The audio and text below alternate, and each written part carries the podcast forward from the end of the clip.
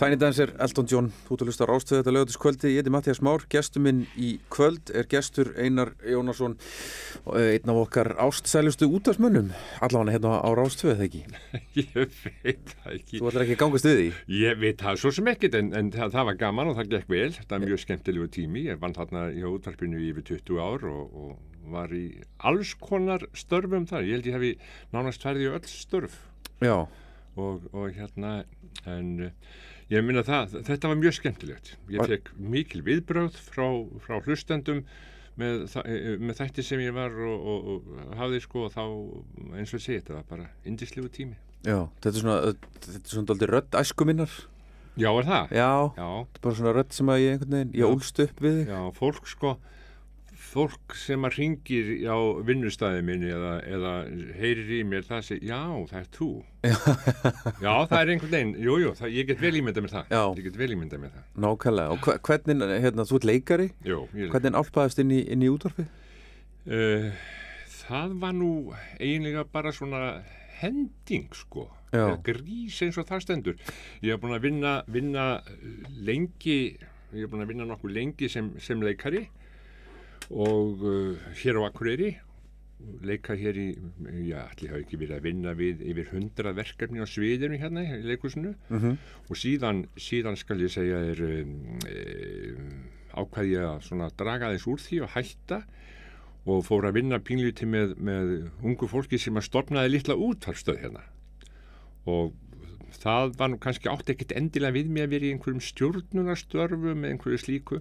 Og þá hring, var hringt í mig Kári Jónasson sem var fréttastjóri þá á fréttastofunni hann, hann hringdi í mig og, og uh, bauð mig vinnu. Já, Já, já, ekkert vandamál með það, bara komdu að vinna í fréttum og eitthvað þess áttar.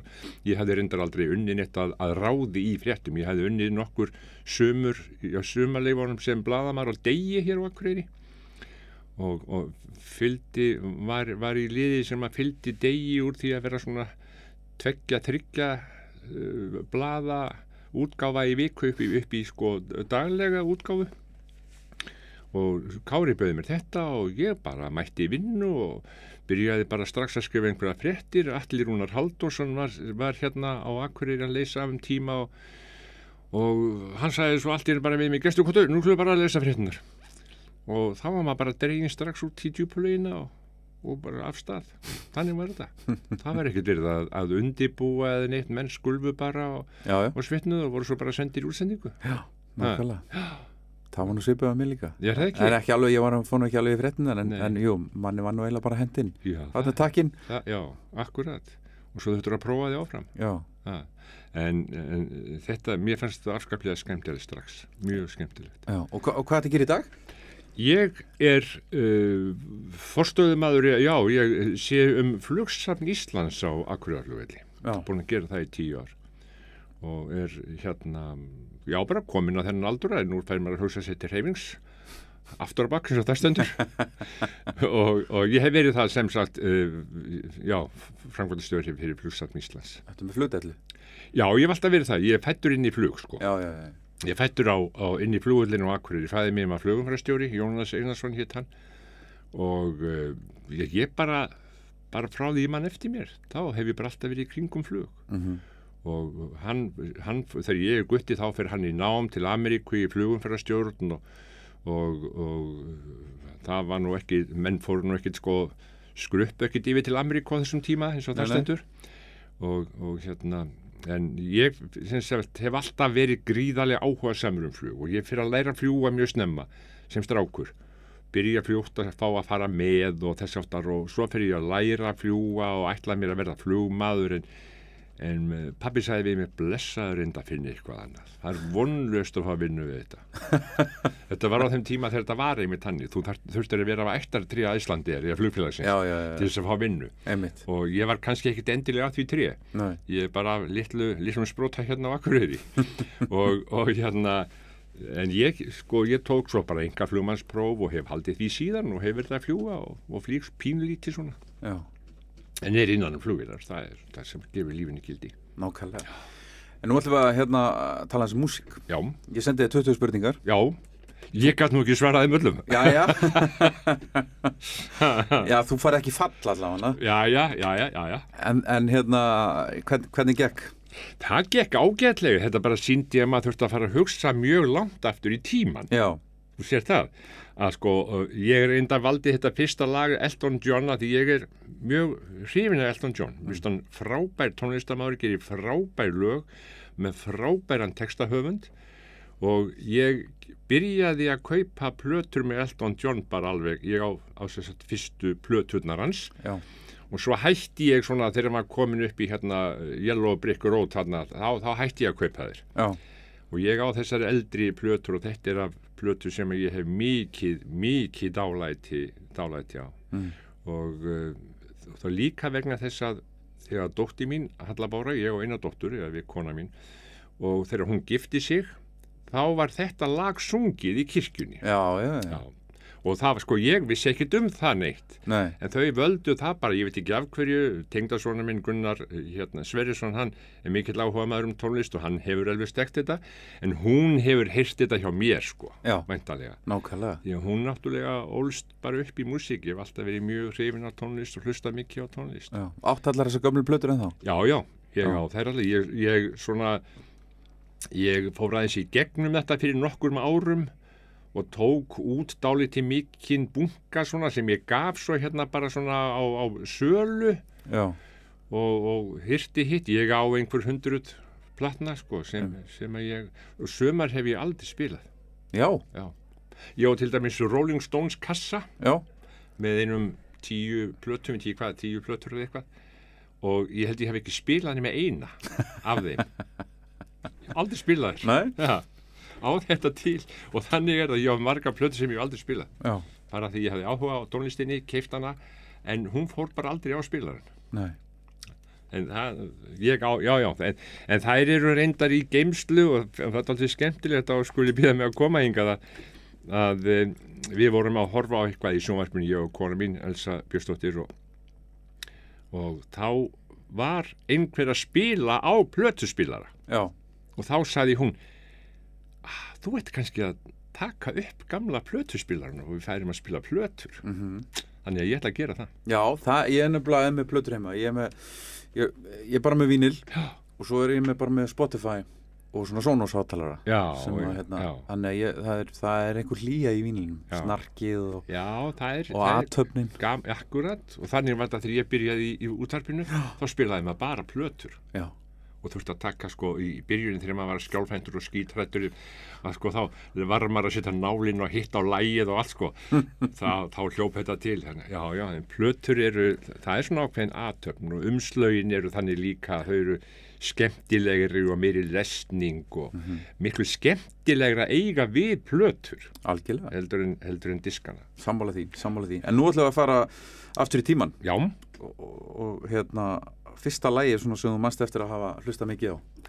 já, sko Og Eh, hvað er þetta gamal? uh, þá? Já, þá er ég svona 12 ára, 12-13 ára eitthvað svo leiðis þannig var að, að sko, maður hafði náttúrulega heyrt svolítið í útvarpi. Það var ekkert í útvarpi nema bara eins og já, það er sem maður segir dánafregnar og jarðafarir og, og úrskalu sjúklinga og, Og sjómanna sjómanna, eitthvað svona pínlítið sko, mm -hmm. tvisa þrísverði viku og síðan hl- hlustaði maður ekkert á útvarpi og þá bara fréttir með, með foreldrum og af og ömmu en ég komst einhvern veginn mjög fljótt inn í músík og það kannski gerir það líka því að, að við fórum oft í Reykjavíku til að heimsækja vinafólk og, mm, og, og hérna fjölskyldivinir og, og ættingar voru, voru hérna Nanna Kortes og Axel maður hennar og, og þau voru fóreldrar Garðars Kortes og, og Jóns Kristins og báðir miklu tónlistar áhuga menn og þau fjölskyldan. Og þar fór ég að heyra svona músík. Þar heyrði ég sko Shadows og þar heyrði ég hjá Ditta Jóni Kristni uh, hérna Surges. Já, og það var eiginlega fyrsta platan sem ég var gefin sko mamma senda hann út í búð til að kaupa handa mér plötu. Ég man ekki hvað mig langaði í en mig langaði ekki nei, en, en hún kom og ég á plötun ennþá. Já, já, já, en Shadows, mér þótti Shadows var skemmtilegir. Já, það var svona, það var öðruvísi og það var komið rafmagn gítaranna og eitthvað svona og mér þó- þótti það mjög skemmtilegt og það var lag sem að mér þótti mjög skemmtilegt sem heiti The Savage. Mhm. og ég spilaði það nú, ég, svo egnaðist í plötuna og ég spilaði þetta alveg í gegn sko Já. það var til plötuspilari á mínu heimili pappi var mikill áhuga maður um tónlist og, og hérna þannig að mjög fljótt fór að koma músík inn í líf mitt sko sem að gefur lífinu reyndar gríðarlega fyllingu, tónlist, ég skil ekki fólk sem ekki hlustar á tónlist, Nei. ég bara, bara skil það ekki Ekki heldur. Og, og þetta er eitt af þessum lögum og það var bara Hank Marvin með glerun og allt sko. Ha, og rauðagítarinn og, og, og þeir spiluðu þetta. Og ég hef alltaf verið pínlítið skotin í Shadows. Eða svona var það allavega. Það er einhver hljóð, það er einhver, hérna, það er einhver hljóðheimur í Shadow sem Já, að það var svo engin annar hefur. og þetta líka var vegna þess að sko, maður sá svo og fyrsta platan mín sko, hún tengdi þessu líka gegnum bíómyndi sem að þeir voru í með Cliff Richard voðaland síðan og þeir bara að hugsa um þetta þetta er alltaf þetta var valla á síðustu alls skvöldu fara áður En þú sér þetta vonandi ennþá í lit. Já, allt, ég hugsa allt í lit, Já. ég sé allt sem ég, sem ég segi frá, Nákvæmlega. allt saman. Við ætlum að hlusta á Shadows. The Savage.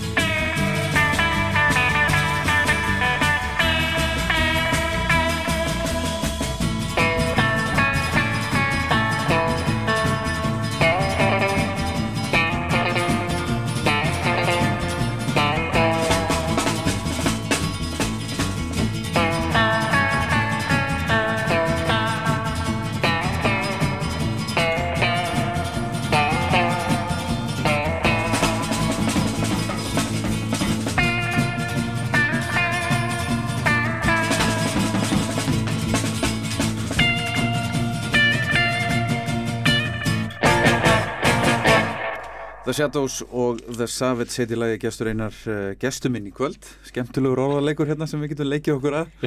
Hef hértið áður? Já, það ekki? Jú, jú. Hefur einhvern tíma verið spurður hérna uh, hvað þú heitir heima hjá þér?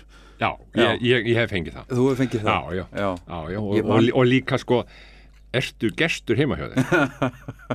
já, ertu gestur heima? Gestur heima. Ég spurði einhvern að þessu uh, sem badd sko í fullri einlægni. Já, Þá var mér kynntu fyrir einhverjum, einhverjum vini í fjölskyldinu eitthvað, gestur og ég bara spurði strax og hvað heitir heima þér? já. Eh, alveg, Þetta er mjög, þetta er svona, þetta er svona rökrétt. já, Þetta er það og, og, og ég ekki, ég nefnilega, eh, þegar ég eh, náttúrulega átta mig á því hver ég er og hvað ég heiti sem bad, þá þótti mér þetta mjög erfitt nafn.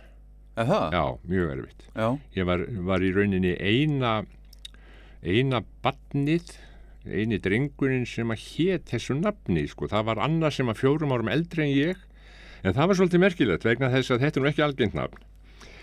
Að í götu þar sem að ég bjó og í húsi, þar var afi minn sem að ég skýrður eftir, í sömu götunni voru þrýr aðrir kallmenn sem að hétu gestur. Já, Já. Það var, þetta var dálítið merkilegt og þetta var ekki mjög löng gata, þetta er við Otteraskólan hérna niður við, við á Eirinni hérna á Akureyri. já, já. Það var gestur Jóhannesson, afi minn, sem var kallaði gestur Sótari og svo var ég, gesturinnar. Svo var eitt sem hétt gestur Pálsson og hann var skýrður í höfuð á, á afa sínum sem hétt gestur Jónsson og var kallaði Mera gestur, hann var hestamæður Mm og svo var gestur Pálsson og hann var pípulagningamæður. Og þetta voru þessi menn, svo vissi ég setna meir á manni sem átti heima annar staðar í bænum, sem hétt gestur, en þetta var það sem að, sem að þetta var mjög merkilegt, það voru fimm menn með þessu nafni á sama, sama blettinum. Já, og leiðið þú ekkert betur með þetta nafn? Nei, eiginlega ekkert. en svo bara þegar ég kynntist afa mínum, þá var ég glaðið með þetta. Já, Já. nákvæmlega. Herru gestur, fyrstu tónleikarnir? Ég veist að ég, eh, sko, ég eiginlega man ekkert hverji voru fyrstu tónleikarnir mínir. Ég bara eiginlega man það ekki, sko. Maður Þetta fer svona svolítið í graut. Ég hef nú ekkert farið mjög mikið á tónleika. Ég held að það hafi verið, sko, Deep Purple í Reykjavík. Já, Ég ætlaði á Led Zeppelin þegar þeir komu í gamla daga en ég var að vinna hérna með leikfélaginu og við vorum á, á leikferðalagi þegar þetta var, var ég var einhver staðar út í buskanum að, leika og, og hérna þannig að Deep Purple held ég er það fyrsta sem að ég sé á sviði Já. í lögatarsöllinni og það náttúrulega var alveg geggjað sko já, frábær hljómsveit. Já, alveg dásamlegt, sko, dásamlegt. Og ég hef alltaf verið hrifin að svona, dalti svona rocki og ég mista rock mjög skemmtilegt. Mm Það svona setur hjartað eins af stað og maður svona lifnar við í sambandi við svona rock, mér finnst þetta. Og, og, og ég hef alltaf verið voru hrifin að svona Hammond. Hammond soundi. Mm Hammond sound hérna, allt innu kemur Hammond sound hjá sko Creedence Clearwater og svona kom svo setna mér finnst Ham Hammond um Leslie alveg opbóðslega skemmtilegt. Já, varstu heipi? já, já, auðvitað var maður það í það sjálfu sér, jú, jú ef, ef hægt er að tala um einhverja hippa hér á Akureyri við náttúrulega söfnuðum hári alveg eins og ég veit ekki hvað og, og fengur skammir fyrir það og, og, og maður fekk ekki maður var tekinn fyrir sko af, af fórildrónum að maður mátti valla að fara á skólaball nema að lofaði að láta klippa sig og svona eitthvað. Já, þú er ekki verið kliftur í svefni eins og sumir? Nei, ég, nei, en fæði minn var afskaplega mikið snirtimenni Já, og hann var rosalega mikið lámótið þessu. já. Já. Hann En- skildi, skildi ekki að þetta væri. Nei, nei, hann skildi það ekki. Sko, mér þykir voru gaman að sjá stráka í dag með sítt hár. Já, Já, mér þykir það skemmtilegt og menn er alltaf verið að þrýfa sig. En, en já, við vorum það guttarnir, félagarnir og viniti, sko. Svo unnum við saman, við vorum saman í skóla, svo unnum við saman á sumrin. Við vorum í mestu skítæfinu sem að hægt var að finna. Við vorum í Malbykinu. já, Við sáum um að Malbeka hér bæinn og flugvöldin og allt þetta, mikil, mikil vinna og, og, og mikil hátt kaup fyrir þetta. En þarna var tjara og ólíja og eldur og allt og þetta náttúrulega var alveg skelvilegt sko. en ekki fekk hárið að fjúka. Nei, við, við pössuðum hárið, Já, það var mjög mikið passað upp á hári. Þa, þetta er náttúrulega löngu fyrir þann tíma þegar menn tóku bara bundu bara í stert sko, eins Já, og já. konur. já, já. Eða settu hnút upp á hausinn. Einmitt. það, það, var, það, þetta ekki að ræða svoleiðis. Nei, það var bara konur sem gerði það. Og, og þannig að við vorum reyndar með einhverja húfur og druslur á hausnum svona til þess að passa þetta í öllu þessu ríki og tjörunni og svo fór tjaran í hárið okkur og við vorum í vandræði með þetta þá kliftu við þetta bara burt. Já, já, nákvæmlega. já, já. Herru, þú valdi Perfect Stranger með Deep Purple. já, mér þykir það skemmtilegt. Já, frábært lag. Já, sko, þú heyri hvernig takturinn var hérna í fyrsta læginu hérna Savage með, með Shadows. Þetta er svona pínlíti indjánakent Já. Það er eitthvað sem að höfða til mín. Já, ég held ég hafi verið indjáni eða eitthvað, einhvern tíman Mögulega. Deep Purple.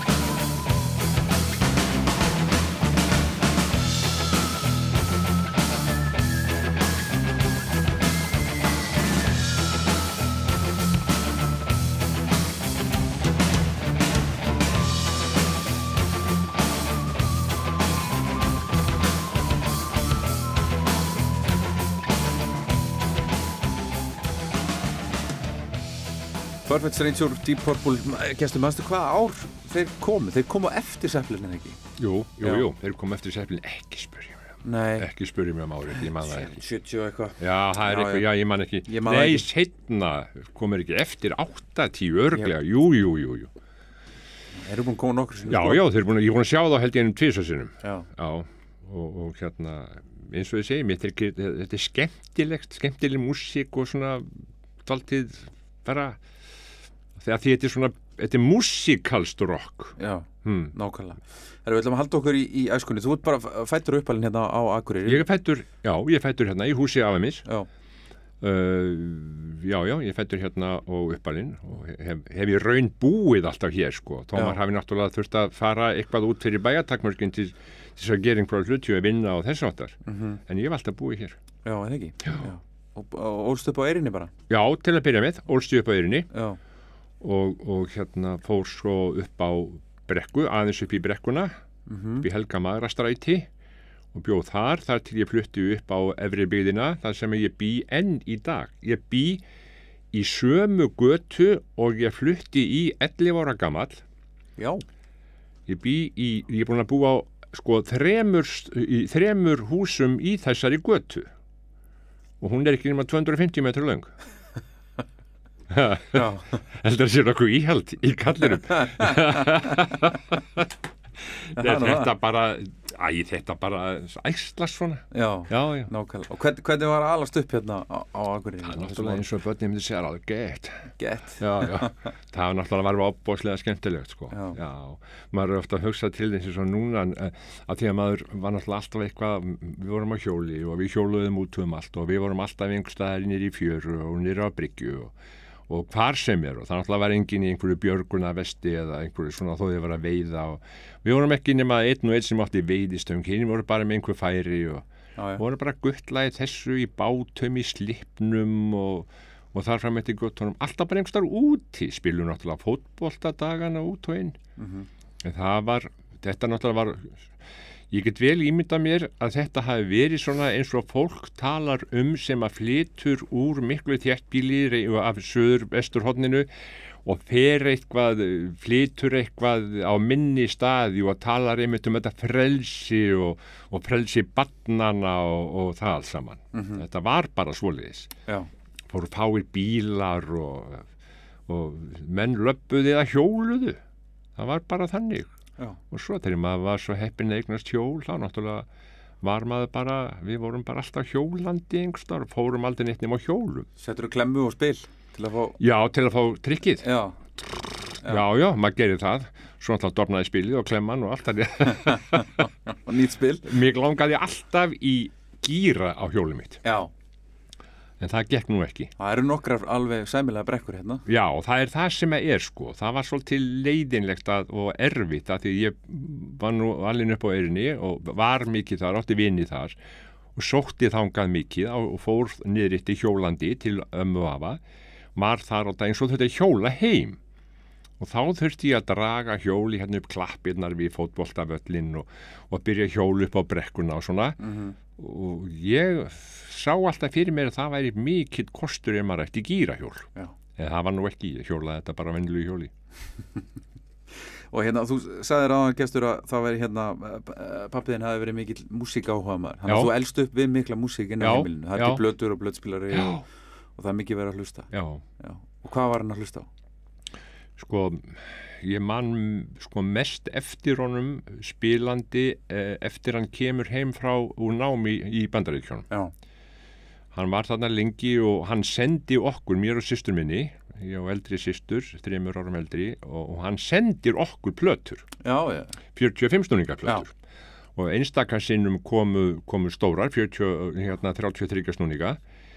Og hann hann náttúrulega var á þeim aldrei að hann vann sem kottnungum maður hérna hjá Bretonum, hann var túlkur vann hérna hjá Bretonum í stríðinu. Já, þannig að hann kynnist í svo koma Amerikanar og eitthvað þess aftar hann var mjög hrifin af, af amerískan músík. Big band músík, Glenn Miller. Og jazz. Já, og jazz, Ella Fitzgerald og Louis Armstrong og, og allt þetta og síðan þegar hann kemur svo heim úr þessu námi með plötur og annað sem er þá ef- eftir stríðið, það ekki? Jú, jú, Já. þá, þá er það bara núna þegar ég er svona 8 ára, 9 ára gammal, 59, 60, fyrir 60, að þá kemur hann með plötur, þá kemur hann með, með platters og, og, og þa- þá, þá seríuna. Og það er bara að hlusta á það, hann kom mikið með, kom mikið með músík úr söngleikjum. Já, Ég man að, að ég þekkti, þekkti söngleiki eins og Kistum í Kata og Oklahoma og, og, og fleiri sem að, sko, ég kunni utanbókar alveg, sko, kunni öll lög og alla texta og, og þann, þessari músík kynntist ég svo. já. Já. En, mamma, var hún að... Hún hlustaði mikið á músík og hún, hún var, það var músík í henni. Já, já, já, verulega. Hún gætt sungið fallega Mhm. en, og pappi kunni þrjú grip á gítar og hann gætt haldið upp í stöði, sko. Já, Þeir voru nóg. Það, eru nokkar rafstjörnum sem kunna bara þrjúgrip, sko.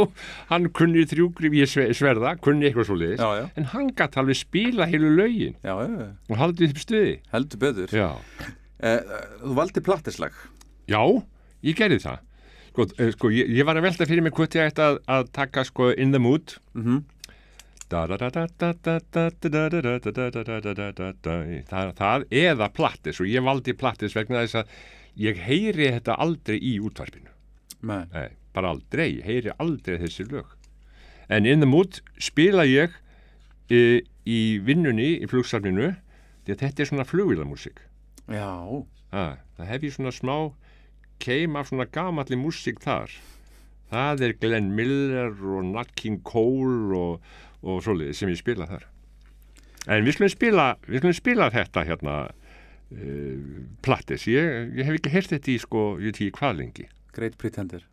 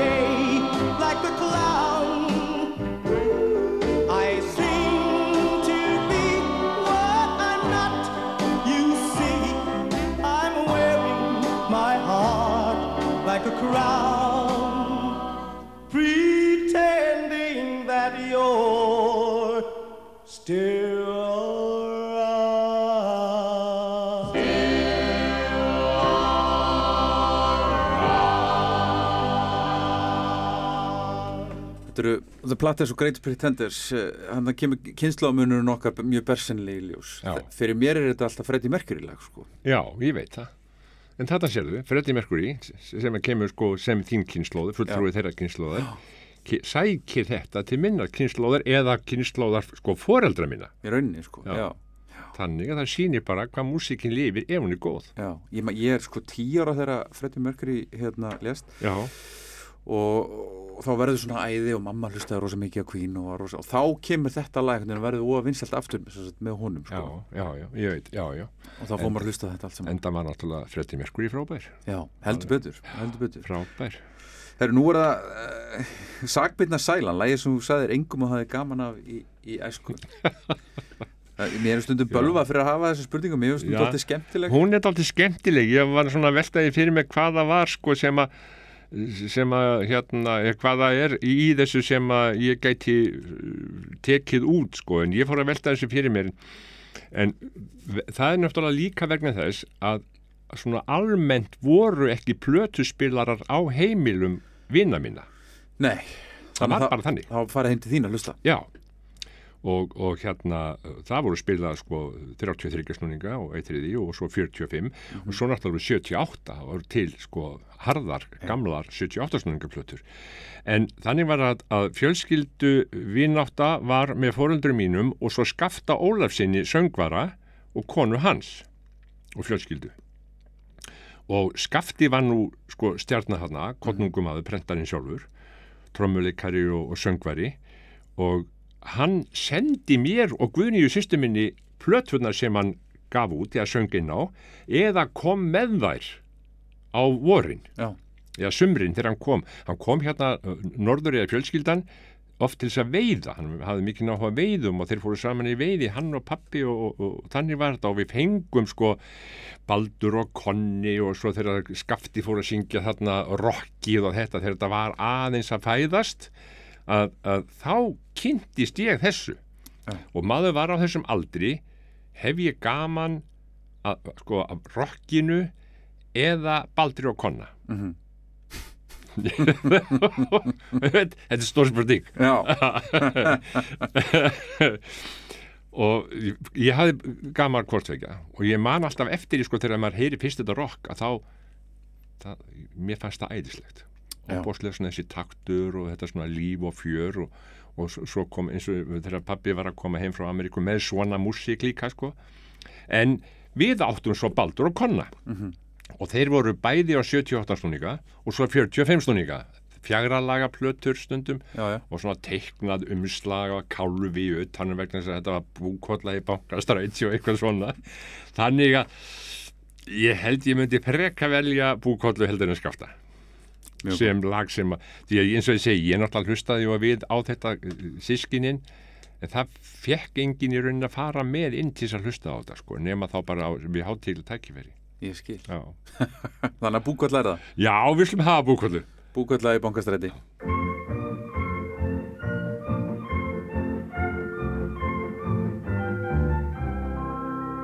Nú verður að segja mér söguna sem þú ætlar að segja mér í hitti fyrir það. Já, það var skrítið sem ég sá og sittu kýr og hlustað á. Í bankastræti búkollalá á baki svört á hesið grá. Ha ha hæ, hlustað á, nú hef ég skrítnað segja frá. Ha ha hlustað á, hver sem vill því trúa má. Já, það Hún jóttraði með sælu svip, ég séð hef aldrei róri grip. Er bílar tóku að baula af hátt, hún baulað á mótin og skup látt. ha ha hæ, Hlustað á, nú hef ég skrýtnað segja frá. ha ha hæ. Hlustað á, hver sem vill því trúa má. Og löggan kom og búkollu bað, sé best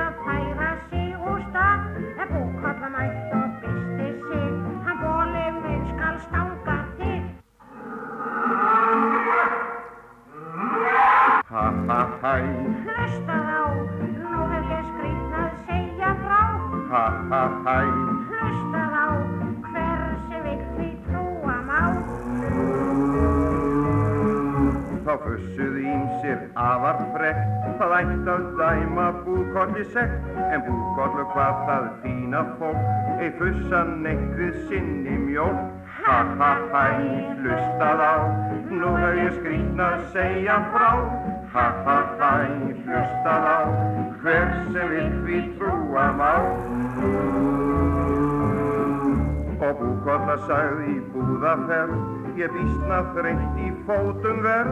Þótt lík ég hérna lúin og þreytt, ég lögbrot get ei kallað neitt. Ha ha hæ, hlustað á, nú hef ég skrýtna að segja frá. Ha ha hæ, hlustað á, hver sem vill við trúa má. Og dómari sem þar stóð á stjætt, Hvað er úrskuð mikið rétt en búkolla kér og brosir lág. og beilaði allan hópin á? Ha ha ha, hlustað á, hef ég skrýtna að segja frá. Ha ha ha, hlustað á, hver sem vill við trúa má.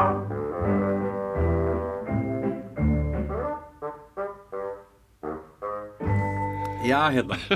Þetta er ennþá fyndið. Þetta er alveg passlega hallæðislega. Já. Já.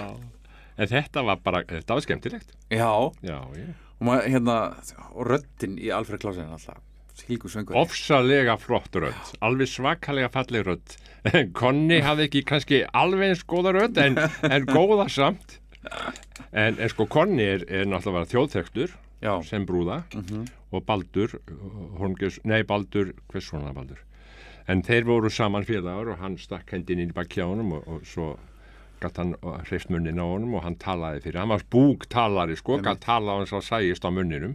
Og hann var töframaður líka já, hann hélt þetta skemmtani þannig var sko það kom alls konar fólk bæði til Reykjavíkur frá útlöndum og svo kom svo þaðan hingað og, og heldu alls konar skemmtan svona kabarettar. Og það var bara að sapna saman. Hljómsveit, Svavar Gess kom með einhverja hljómsveit og ég man eftir ég sá Hallbjörgu Bjarnadóttur hérna og, og, og, danska töframenn og ímislegt hérna í Já, nýja bíói sko. þetta voru svona kvöldskemmtan í fólksins sko. Skemmt í kvöld. Já, þetta var náttúrulega ekki sjónvarp eða neitt á þessum tíma Nei, nei. og með þess að strax í upphafi bítlatímas kom hérna dönsk bítlahljómsveit sem að, hvað héttu, telstar held ég hefur verið komu heldur tónleika hér sko Já, að þótti æði já. Já. Danst bítlaðið á Akureyri. já, já, kom Já. dönsk bítlahljómsveit ha, Við ætlum einmitt að tala um bílana næst, það er, það er sjöundi áratugurinn og, og þú ert, hvað ertu, 12, 13, 14 þegar bílarnir, já, ég er svona 12 ára eitthvað svona, 12-13 Já. já, og það er bara heimurinn breytist? Algjörlega. Algjörlega. Og ekki bara hjá þér, heldur bara Nei, nei, í raunulega heimurinn breytist. Já, já, heimurinn breyttist náttúrulega, Já. það, það var alveg ljóst og, og, og umræðan um þetta var náttúrulega alveg va- merkileg og þetta náttúrulega þótti algjört garg og þetta þótti villimennska unglinganna og, og sapna hári yfir eirun var alveg skelvilegt og allt fram eftir göttunum Mhm. en þetta heillaði mann alveg ofbóðslega því að þetta hafði aldrei, hafði ekkit verið nema sko á lögutaskvöldum í úttarpi sko Karljú Larbo eitthvað spilar á harmonik og, og, og hérna James Last og hljómsveit og eitthvað svona sem að var, okkur þótti bara leiðinlegt krökkum. Já, og svo fer þetta að koma í kjölfar Prestleys og alls þessa og þetta bara þetta tók mig algjörlega. Já. bítlarnir tóku mig algjörlega. Mm ég þóttu þeir æðislegir. Flott músík, flott lög bara allt flott við þetta allt Og og þegar þú varst að spila þetta heima hjá þér, hver, hver voru viðbröðin? Úf, nefndu það ekki nefndu það ekki En svo, svo fyndið, svo líða árin, sko.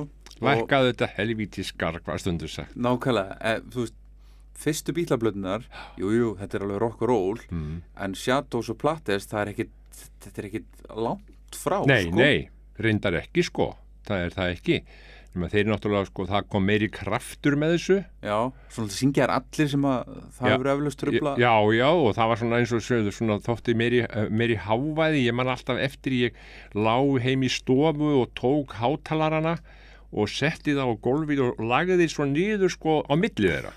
Eins og hann er með risastóru heyrnatól. Já, eins og ég væri með stæstu hirnatól í heimi sko. og svo kýldi ég af stað. Já, Svo kom sko faði minn heim úr Já. vinnu. og þá, Þá náttúrulega fór allt í vol sko. Já.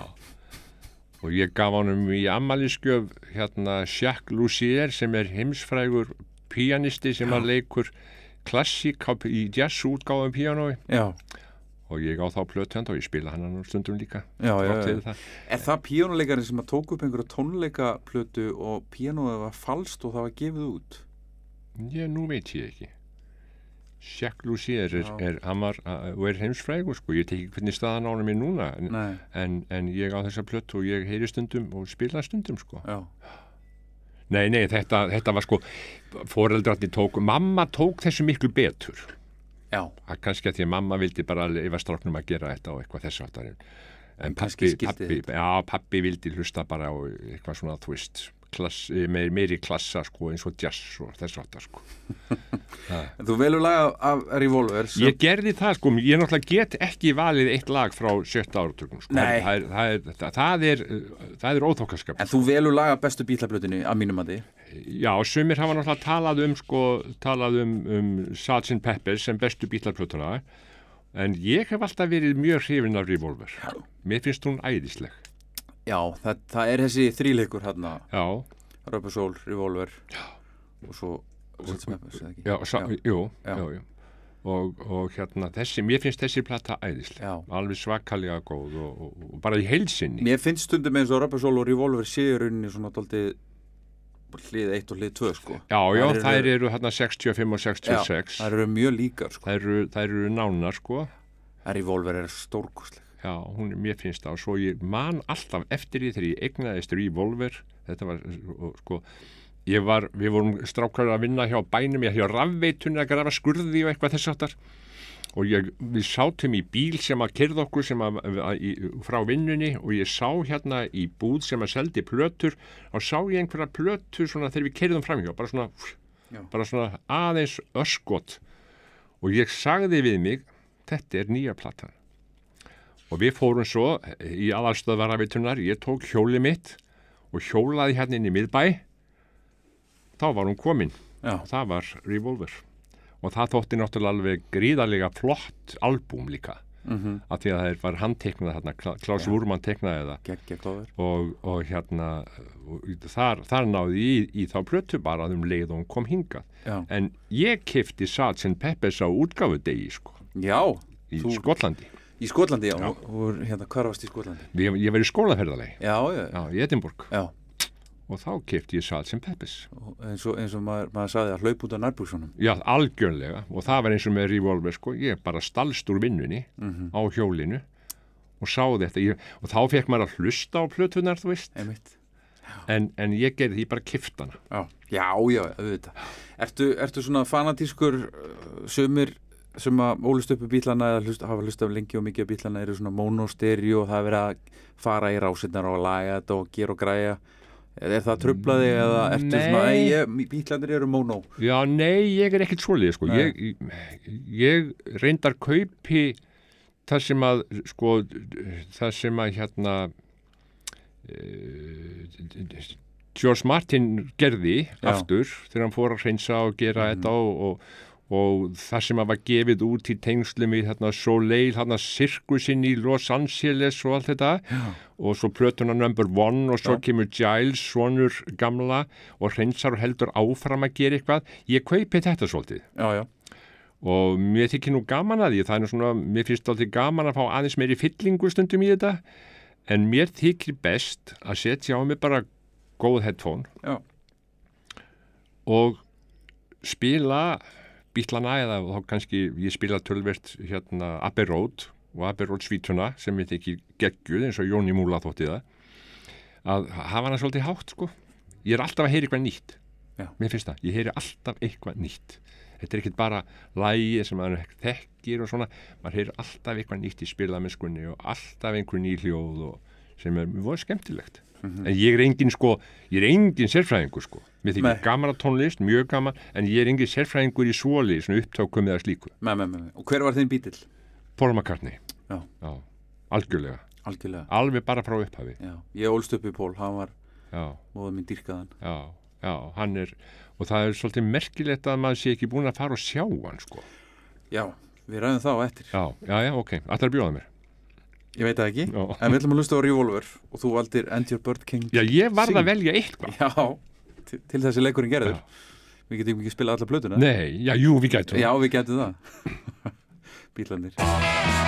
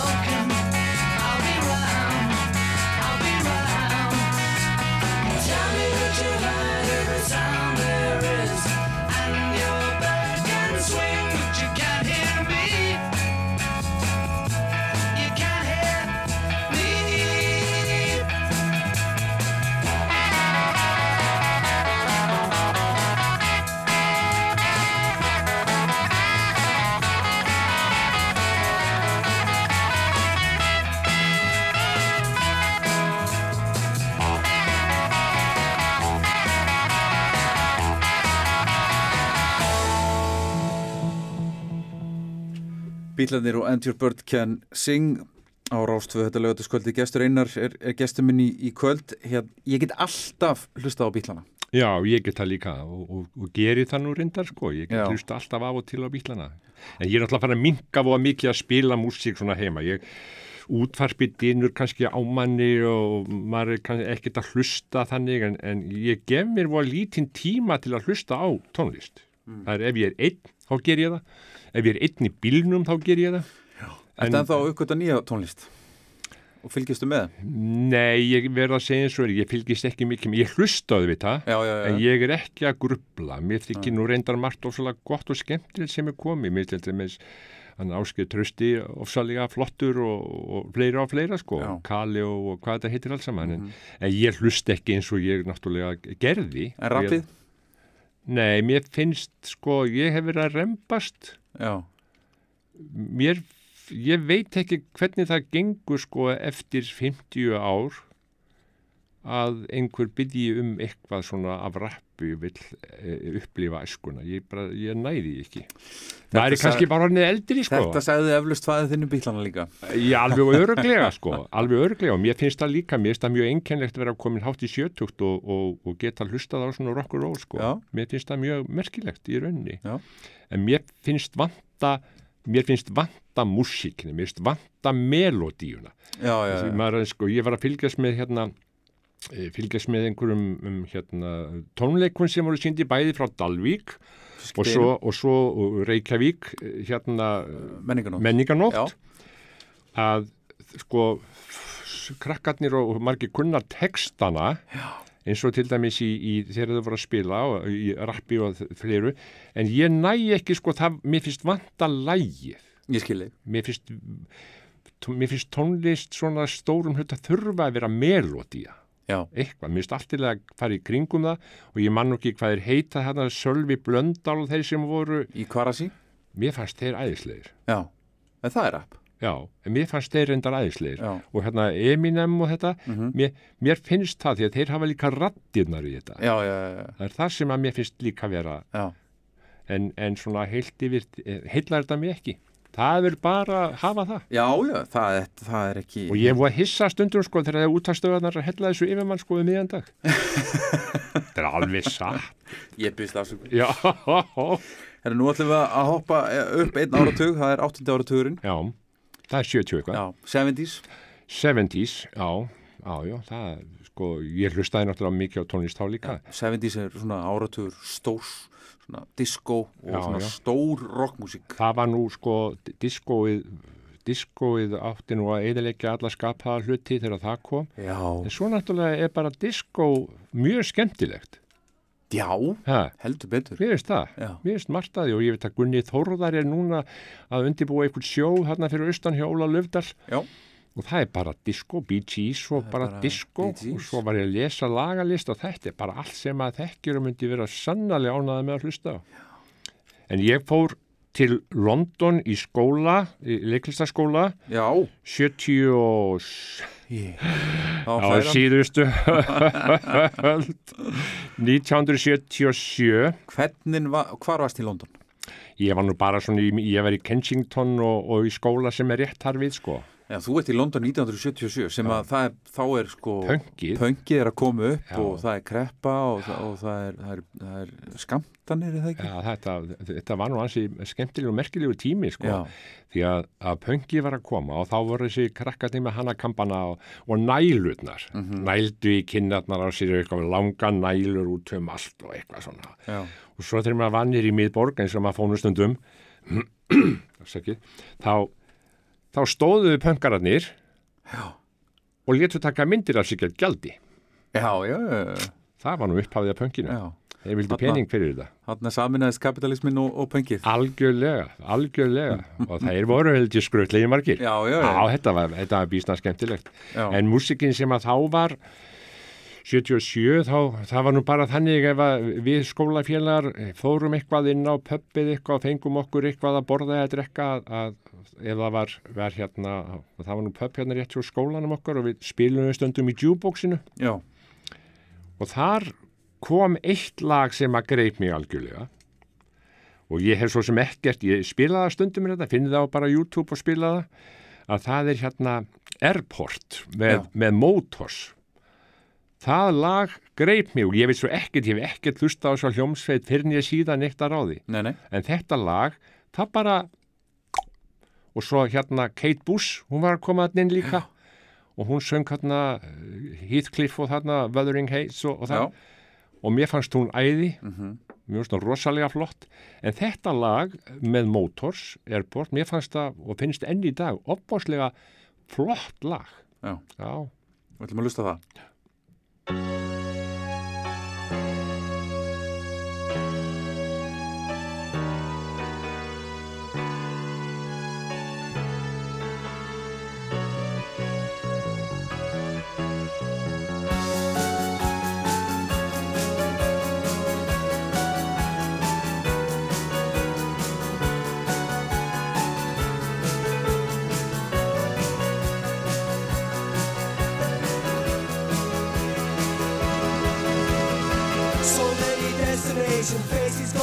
So many places where the weather is much better and the food is so much cheaper.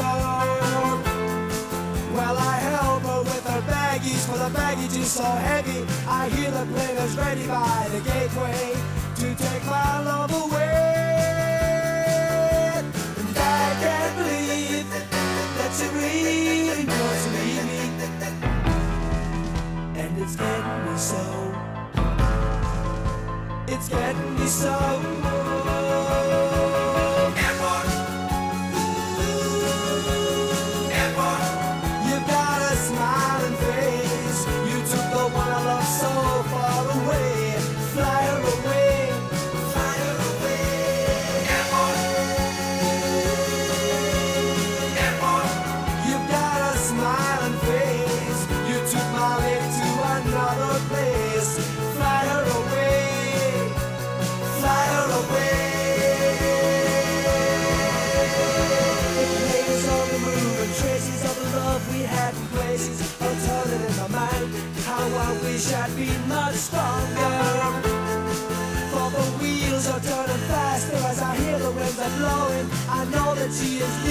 A jet plane, way down the runaway. I can't believe that she really leave me, and it's getting me so. It's getting me so.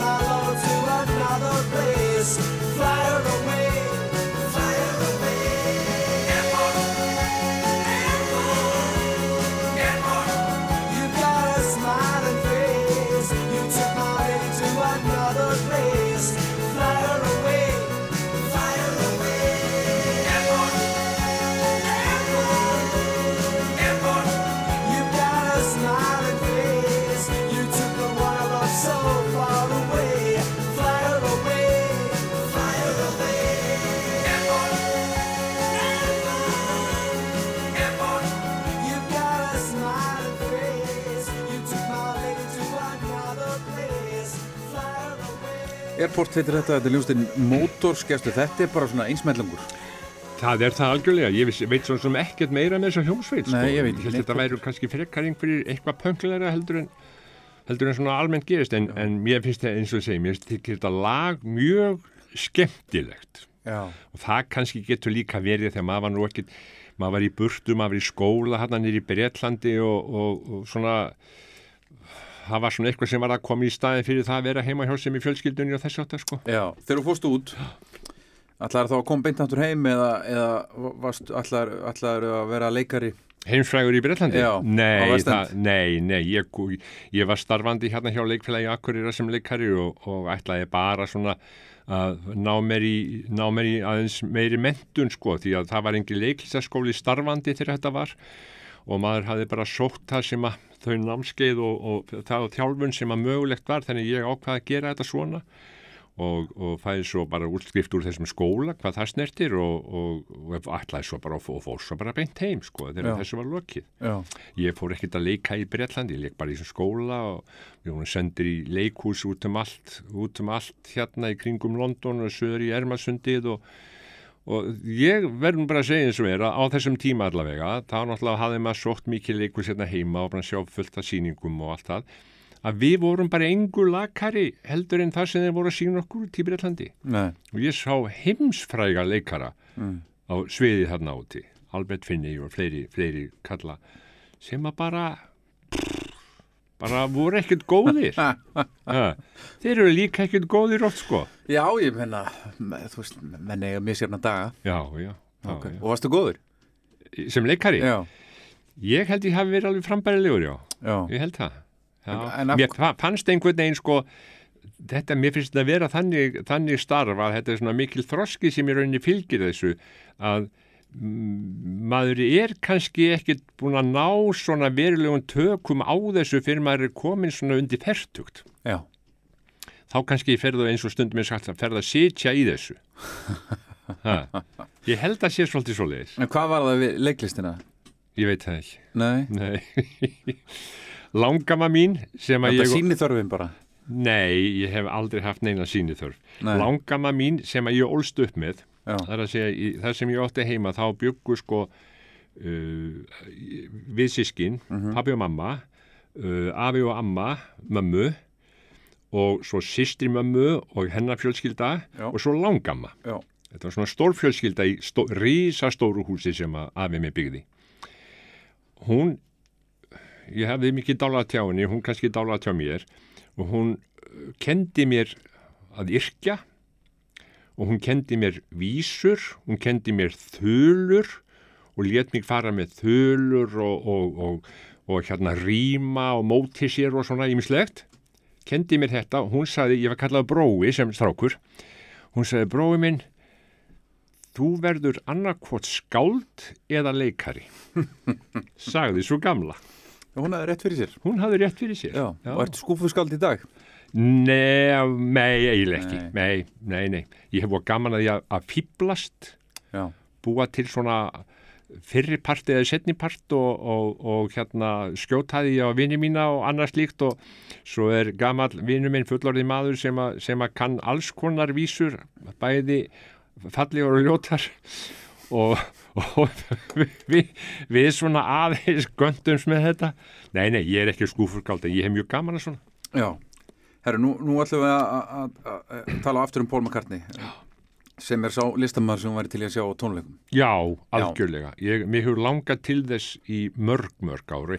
Einhverjum hluta vegna hefur þetta bara verið þannig að það hefur ekki passað fyrir mig. Hann var hérna einhvern veginn nýri í Kaupmannahöfn og okkur finnst nú bara eins og að fara aust til Húsavíkur, að fara til Kaupmannahöfna. Já, já. En þá einhvern veginn gekk það ekki og ég er bara svona býðið til tækifæri. Já, hann er ennþá aðkallin Já, og í já, já, já, já, ferlega flottur. Já.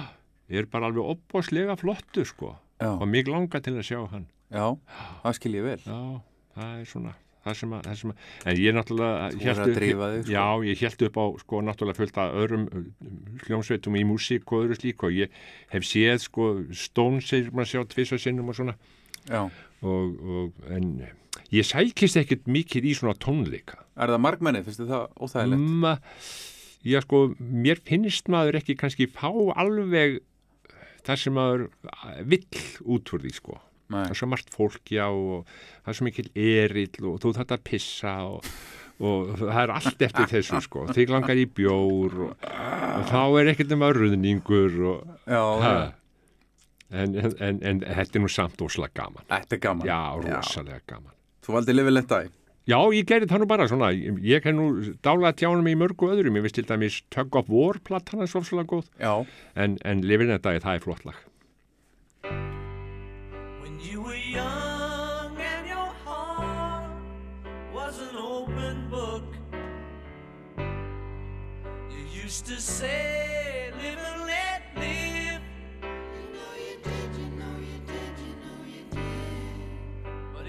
this ever changing world in which we live in makes you give in and cry.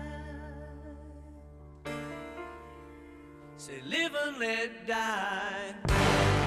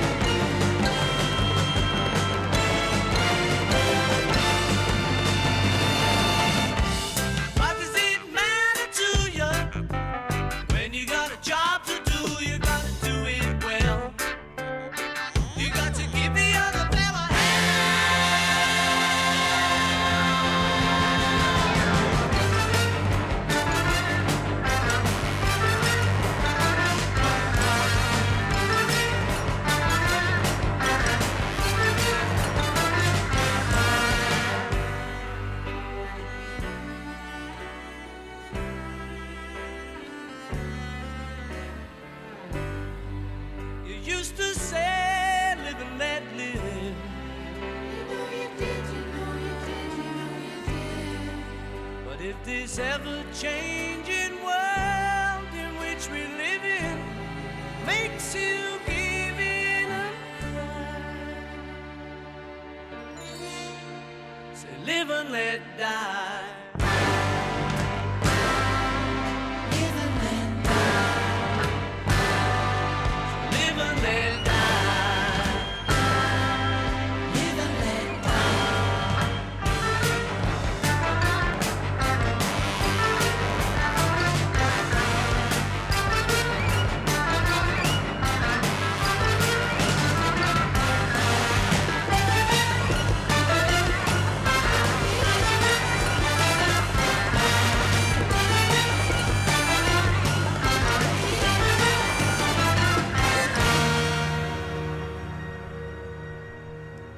McCartney, Paul Paul, já, Paul, já, Paul Live and Let Die. Þetta er bondlag, eða ekki? Jú, þetta er. Live and Let Die. Live and Let Die Já, þetta er flott lag. Já, Jú, eins og náttúrulega margt af því sem hann gerir, hann er mjög, mér finnst hann mjög sko fær lagasmiður.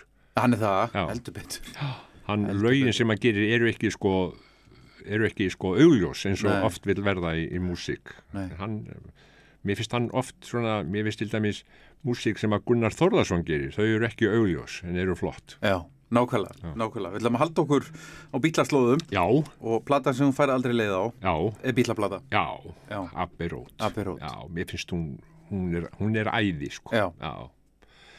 Og svo náttúrulega þegar verður að halda upp á þetta núna, eh, það eru sko 50 ár og eitthvað svona, manni finnst það náttúrulega alveg rosalega langt síðan. En, en svona líður tíminn og mér finnst, uh, já þessi, mér finnst þessi platta alveg opbóðslega flott. Sammála því Já. Og þú, hérna, velur Abbey Road svítuna Já, sko, er það, ég man eftir í gamla daga þegar Jón Múli var í útvarpinu og, og horfði út á sundin og talaði um Reykjavíkur sólina og allt þetta í útvarpinu á ráðseitt og spilaði stundum og var að spila amerískan jazz og hann spilaði stundum bílana og fleira þessum, í þessum dúr, væntalega það sem á honum hefur þótt skemmtilegt og áhugavert. Já, og hann spilaði svona megnið af hlið tvö á Abbey Road já, og kallaði þetta Abbey Road svítuna já, já, já. og ég hef aldrei, það, það, það kemur þetta. Ég held það bara. Þegar ég, held sá svarið þá var ég bara Ok, Já.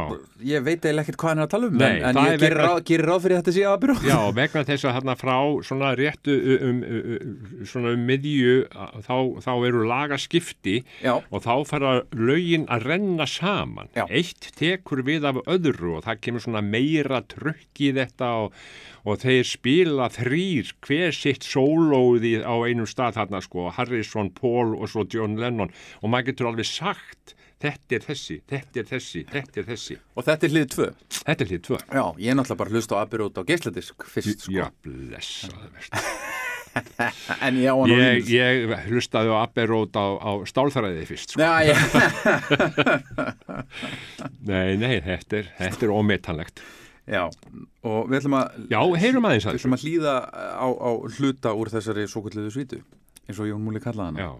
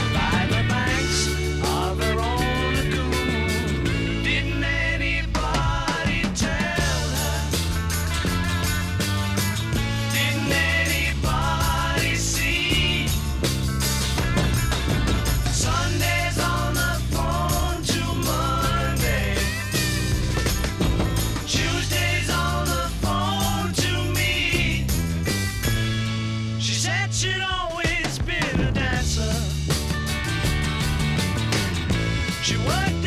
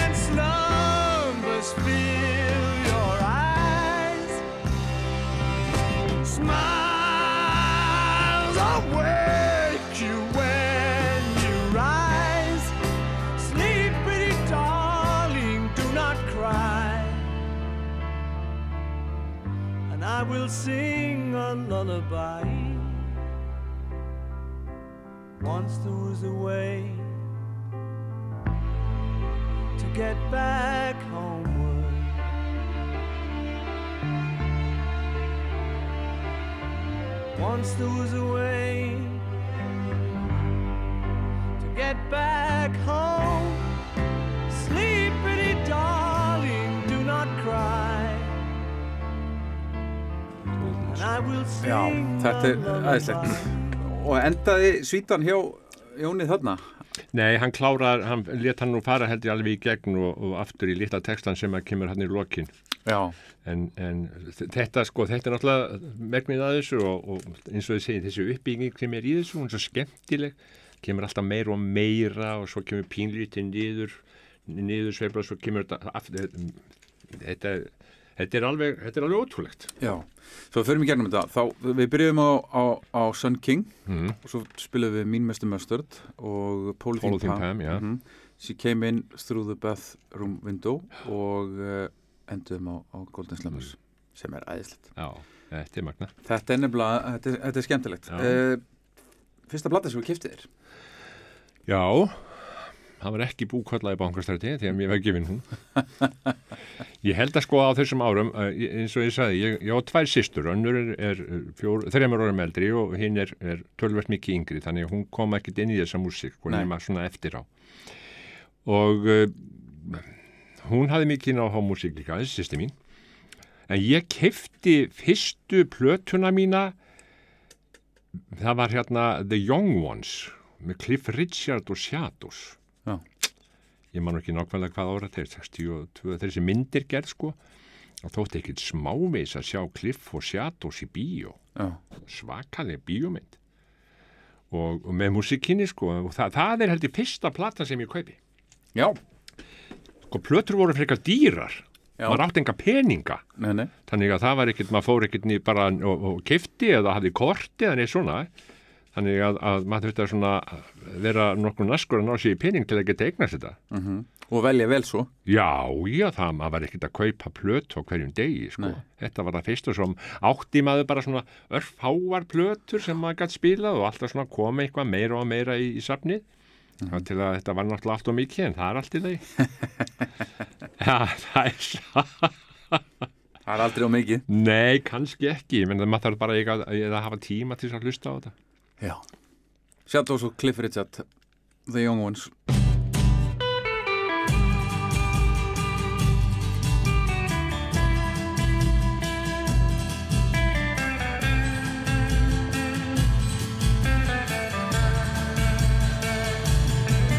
The young ones, darling, we're the young ones, and the young ones shouldn't be afraid to live low while the flame is strong. Cause we may not be the young ones very long tomorrow. Why wait until tomorrow? Cause tomorrow sometimes never comes. So love me. There's a song to be sung, and the best time is to sing it while we're young. Once in every lifetime comes a love like this. Oh, I need you and you need me. Oh, my darling, can't you see? Young dreams should be dreamed together, and a young heart shouldn't be afraid.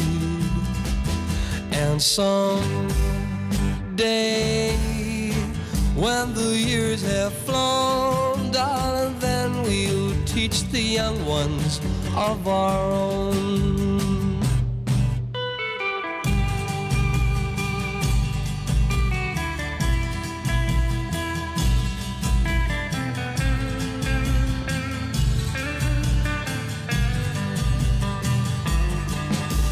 Once in every lifetime comes a love like this.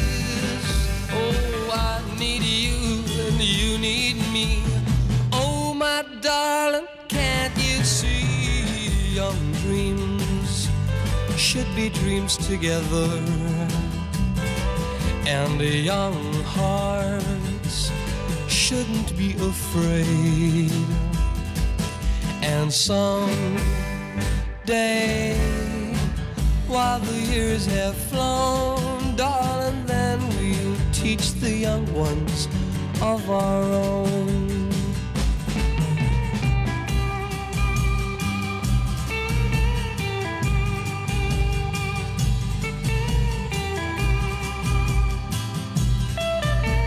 Cliff Richard og, og Shadows Já, já. The Young Ones Gestur, þetta er fyndið Þetta lag kann ég, Er það? utan af Já, Ég veit ekkert af hverju já.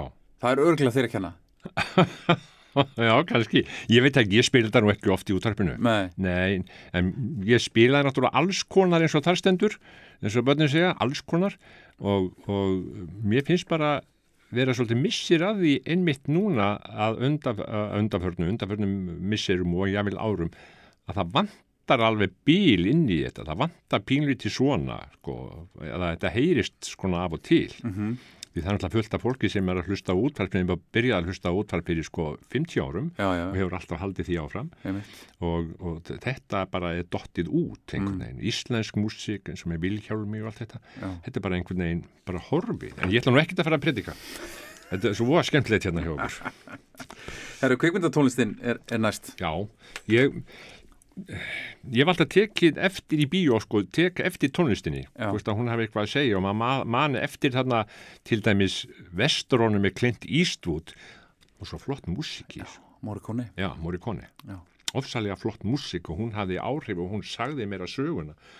Og ég hef, ég kefti mér músík á diski náttúrulega eftir ég sá bíómynd hérna Dances with Wolves Já, með honum hérna hvað heitir hann?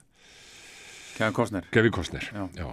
Ég man ekki hvaða dóma þessi mynd fekk, ég held að hafa verið alltaf leið. Myndi var fín sko. Og ef ég hlusta á diskin þá get ég alveg séð myndina.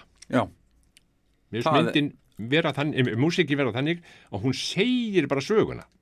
Og fyrir utan að hún er mjög falleg músiki líka, sko. Mhm. Það koma svona ákveðin í kapla eins og þegar söðunettinu að hlaupa stað á þetta fyrir að, þú veist, það er svona margt skemmtilegt í þessu. Ég held ég hafi bara, ég held ég velji það. Ég var nú með annað í huga líka að hérna, það voru sjómarstætti sem að héttu Brideshead Revisited í gamla dag í sjónvarpinu ofsalega fallegi þættir um, um lífið í Bretlandi svona kringum aldamótin þar áður sko menn eitthvað að sigla svona bátum og síkjum með stráhatta og annað. Og það, það var opbóðslega falleg músik í því og ég kefti það músik á plötu, það er svo langt síðan og hlustaði tölvert á það. En mér finnst John Dunbar þým úr Dances with Wolves mjög falleg músik ég er mjög hrifin á svona músik sem að gengur svona inn í mig og alveg í tárakirtlana sko. Hlustum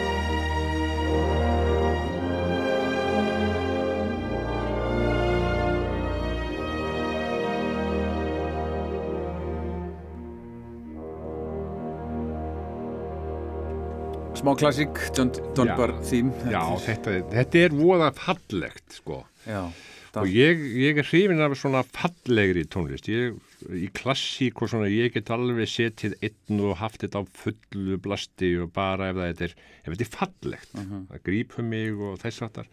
Og þetta gerði það. já, og gerir enn. Og gerir enn. Já. Já. Það eru lægið sem minnið á Akureyri. Ég, já, ég, sko, auðvitað hefði mér átt að segja hérna á skýðum skemmt ég mér og Gvendur á eirinni eða... eitthvað svo list. Já. En er nú ekki það endilega. Ég valdi nú lag sem að, sko, þegar ég var í hjóttarfinu, hérna í gamla daga eins og það stendur, þá spilaði ég sundur lög svona sem að mér þóttu sérstaklega skemmtileg. Já. Bara að því að mér þóttu þau skemmtileg, ekkert að, út af neinum öðrum. Og það var þetta lag sem að mig langar til að spila núna og það voru fleiri, ég til dæmis hafði alltaf haft gaman að því að hlusta og finnst lagi hérna Þrek og Tár með Erlu Þorsteinsdóttur og bóslega fallegt lag. Og ég spilaði þetta, þessi lögur svo vinsæl eftir þetta þegar ég byrjaði að spila þetta. Og þetta lag sem er núna, það er Óðin Valdimarsson syngur þetta, þetta er náttúrulega lag sem allir eiga þekki í dag. Já. og þetta svona, finnst mér vera svolítið akkurjálag Já, Hmm. af hverju? Æ, bara Óðinn og hann er hérðan og var hérna og s- söng í sjallanum og, og, og, og svona sko. Þú veist að maður var náttúrulega unglingur og fór að stelast í sjallan löngu áður en að maður mátti það og, þá var þetta fólk að spila Ingimar og Óðinn var þarna og þeir voru að spila í alltíðu húsinu hér í gamla dag og, og svo kannaðist ég ágætlega við hennar mann líka, Óðinn Valdimarsson. Já. Þannig að, að hérna, og, og lagið er náttúrulega mjög fallegt. Heldur betur. Já. Það þarf ekki að kynna þetta. Nei, nei. Það þekkja þetta allir.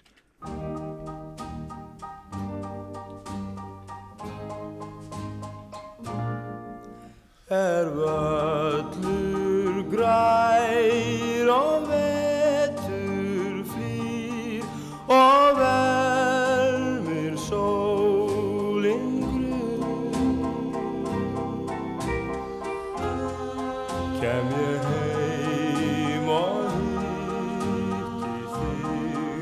vel hjá þér alla stund. Við byggjum saman bæ í sveit sem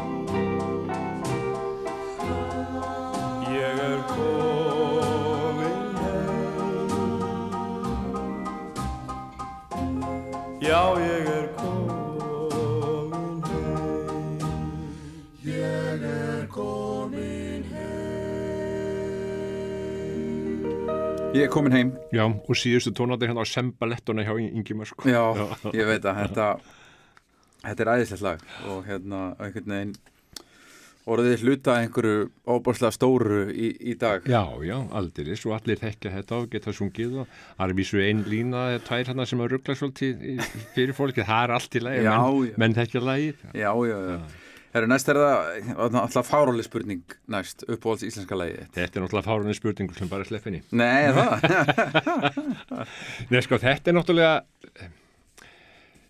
mér, ég veit það ekki, ég, þetta er náttúrulega ómögulegt að svarinni. Já, En ég varð að gera eitthvað og það eru tvö lög sem að mm, hafa heilað mig gríðarlega mikið. Þegar ég var stráku til dæmis, bara gutti, Já. heyrði í útvarpinu ökuljóð af, sungið af Stefán í Íslandi já, og kór með Já. áfram veginu, vagninu með alltaf. Ég þótti það æðislegt, -hmm. bara æðislegt. Svo, svona alls konar lög. En mér þykir þetta lag sem að við ætlum að sigla núna, eh, sigla, spila núna, mjög fallegt. Ég valdi tvö, við spilum náttúrulega bara annað, ég valdi sko kvöldsiglingu eftir Gísla Helgason. Já, sem að lappi í glóru, Ólaf Þóransson syngur, opaslega fallegt og skemmtilega samið lag. Og svo nætuljóð og fjörðum eftir Böðvar Guðmundsson sem að mér finnst og sko ljóði líka alveg einstaklega fallegt og svona svolítið trega, mikið tregi í þessu og þessu slíku. Og þannig músík á afslega vel við mig. Svona trega full sterk músík og ég fæ oft tár í augun þegar ég hlusta á fallega músík sko. og ég veit ekki, hva, hvort ertu með hana? Ég með bæði Þú er ákveðað þig Við skulum syngja, spila segja Kristjánu Argrimsdóttur og, og, og hana, nætuljóðu fjörðum. Nú voru eflust einhver hlustendur Nei, akkur ekki kvöldsiglingu? Já, mér þykir það líka lag Það eru tvö frábæðleg Já, En næturljóð úr fjörum, fjörðum. Ég er samanlegar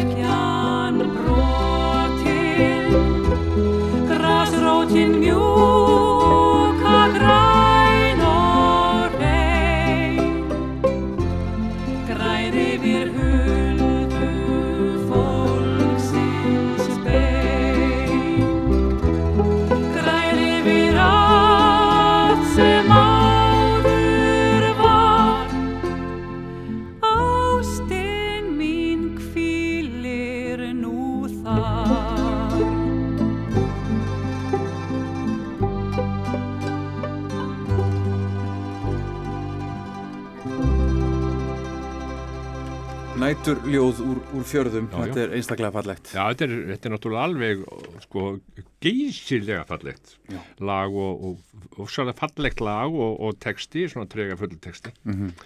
og er þetta eftir hann baðvar Já, segi gestur minn, uh, gestur Einar Jónasson og við erum komið, Gestu minn gestur minn, jæja gestur minn, uh, karaoke-læði og getur þú sungið? Ég get alveg sungið Ertu með rödd? Já, já, já, Já, Hefurðu al- sungið eitthvað? Já, já, já, já Ekki, ég, ég hef sungið inn á, á, á ka kassetum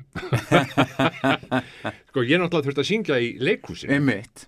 söng mikið í leikhúsinu Já. og, og, og söng, ég söng með þessi óperu, óperum og, en ég er nú ekki kannisöngveri sko, Nei, nei, nei. ég var ekki þetta rödd og ég er lagviss og músikalskur og allt það Mhm. en, en ég hef aldrei haft neitt sérstakann áhuga á, á, á hérna karaoke, Nei, aldrei þetta fyndin íþrótt. Og ég, mér finnst hún einhvern veginn vera japansku, Já, er, er hún ekki Jú, það? þetta er. Að, við einu sinni sungið svona lag. Já, Þannig var það fyrir mörgum mánu síðan þá var settur upp svona, sett upp síning hérna um, um uh, hljómsveit Ingimar Eidal við Ingimar Eidal og, og félag og sínt hérna í sjálfanum uh, sínt í Reykjavík, við síndum á Broadway og við síndum á Hotel Íslandi, við vorum til dæmis fyrsta við vorum fyrsta, fyrstu hérna skemmtikraftarnir sem komu fram á Hotel Íslandi í gamla þetta já, já. og með þessa síningu, mjög skemmtilegum músík Ingimar Seidal, ég var kynnir í hvítum kjólfötum og flottur. Og við vorum að æfa þetta hérna nýri sjálfa einhver daginn og þá hafði eitt hljóðfræðleikarinn forfallast og það var bassaleikarin og, og Rúni Júl var fenginn í staðinn. Hann gall leipið inn í allt Rúni kemur þetta norður og þá var að æfa og eitthvað svona og svo er einhver pása og okkur langaði eitthvað að drekka og kaffi eða hvað sem menn vildu og fórum hún í kjallaran og sjálfan það var skemmtistæður og Já. þar var karaoke Já, dæmi. Og við mann ekki mér á 5-6 saman hann eitthvað og, og það fór einhver eitthvað að tala um þetta karaoke fór að tala við þjónin og hvert var ekki að fá kara- karaoke og, og spilaran og að gera eitthvað og það voru allir búinir að syngja eitthvað nema ég og ég neita alltaf, ég ætla ekkert að gera þetta þannig að ég vissi heldur ekki hvað lag ég átti að syngja og svo fletti ég eitthvað að skoða því og ég valdi þetta lag og söng það þetta er eina lagi sem ég hef sungið í karaoke vel gert. Já. Þetta, þetta er Dylan lag. já, þetta er dillanlag, Já. já, já, heldur betur en Manfred Mann gerði hann meira frækt sko. Já, já, já, já. og það er náttúrulega eina af þessum hljómsveitir sem að voru náttúrulega þegar ég er gutti þá er þetta eina af þessum hljómsveitum og, og, og þetta, er, þetta er mjög fínt lag mjög fínt lag Mighty Quinn. já.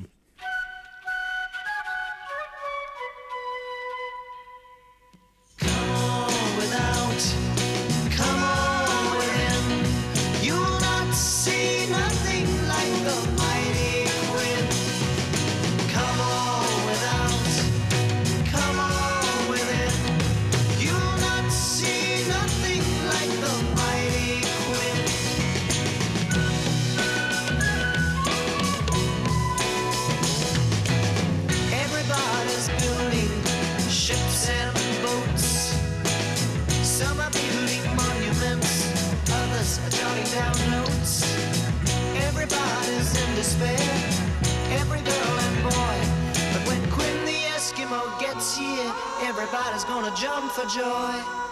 Come on come on. You'll not see nothing like the mighty.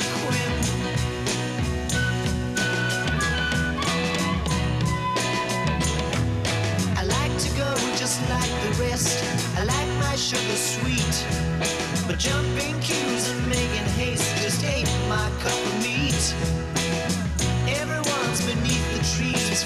pigeons on a limb. But when Quinn the Eskimo gets here, all the pigeons gonna run to him. Come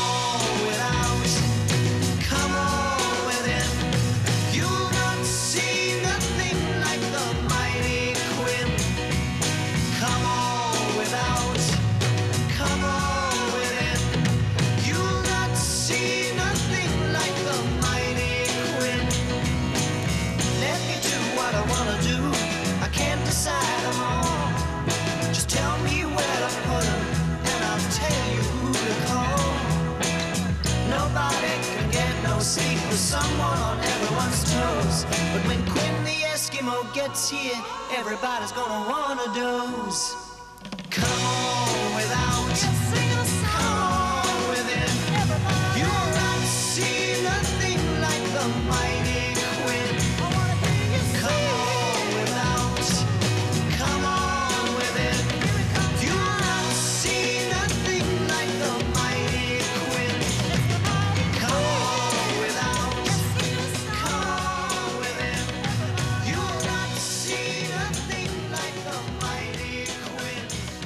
The Mighty Quinn, Já. Manfred Mann. Sigurvegarinn í þessu lagi er trommuleikarinn trommu uh, á, á, í þessu lagi og bara hvernig trommundan hljóma er stórkostlegar Hann, hann héti eða heitir Mike Hugg, svo sem er spilaði á trommur í mannfjöldmann. Já, þetta er frábært trommuleikur Og þetta er, var, já, er, ég skal bara segja það að ég sá auglýsingu á vegg út í Berlín í haust og þar var Manfred Mann, Earth, Earthband reyndar, Já, já, að auglýsa tónleika. já, Þannig hann er annar. að sjálfsög Já, þeir. Herðu ferðalögin. Og ferðastu mikið? Það er nú að misjandi, sko, við höfum voru gaman að því að ferðast, og, en vinna einhvern veginn, vinna er böl, Já, hefur alltaf verið það, og trublar mikið, Já. það sem hann langar til að gera. Jú, við höfum ferðast tölvett til tölvett til útlanda og, og, og svo innanlands líka, við byrjuðum á því bara strax og ringvegur opnaðist, þá fórum við að kerðum ringveg og, og gistum í tjöldu, tjaldi og, og þvældumst um allt saman og síðan kiftum við okkur setna með þá kiftum við okkur svona fellihísir og notum við það tölvert mikið og og jú, jú, við höfum þvælst tölvert mikið, ég hef farið reyndar, já, við höfum farið um, um, um allt land og ég held að ég hafi komið á alla þéttbílistaði nema Drangsnes. já, þangað hef ég komið. Já, ég hef ekki komið þangað, Nei, en ég hef reyndar sko verið hann á svæðinu í Hólmavík, hvotni kring Já, já, og allt, en, en aldrei rúla át á Drangsnes. já Það, er, það eru fínir pottar á Drangsnesi Já, í ég hef sé myndir af því. Já, þú voru að drífa þið þangað. Ég, eins og segjum, við höfum, höfum farið og ég hef mjög gaman að það ferðast um Ísland og mér þykir voða gaman að, ég er nú ekki fjallamaður sko, þú veist, ég hef enga reynslu en mér þykir gaman að fara með góða fólki og vinnum mínu sem kunna þetta og þegar maður er komin upp á hásléttuna, Já. þá bara fæ ég einhverja sérstaka tilfinningu sem ég fæ hverki annar staðar. Já, Mér þykir þetta alveg magnað. Mhm. Það er opbóðslega gaman að ferðast innan þess. já Ofsalega gaman. Og á hvað hlustaru? Á ferðalögum, Já, við hlustum nú bara á, á hvert annað þegar það þannig stendur á en þegar við förum stundum keirandi ég og Elsa mín í, í hérna sögumbústæðin okkar og sérstaklega ef við erum með dóttudæturnar okkar með þá spilum við ABBA, já, dalti hátt. Já, já, þá kýlum við svolítið á ABBA sko. Mjög gott. Já, mér þykir ABBA rosalega skemmtileg hljómsveit. Já, já, já, Já, það var nú eitt af því sem að maður mátti ekki náttúrulega segja nokkrum lífandi manni sko, engin, engin hlustaði á Abba eða sagðist hlusta á Abba en allir áttu plötunna sko. það var þannig, mér veist Ab- Abba er frábær hljónsveit, alveg frábær og bara eins og þessar myndir og þetta gaman að svo söngleikurinn og þetta, þetta, þetta gleður. já. Ha, Ótrúlega pómúsík Já, bara, bara gaman og allir geta sungið með og það er allir glaðir og það er bara Abba mm -hmm. ha, og Abba í bílum er flott Dossi móðun og Valdurum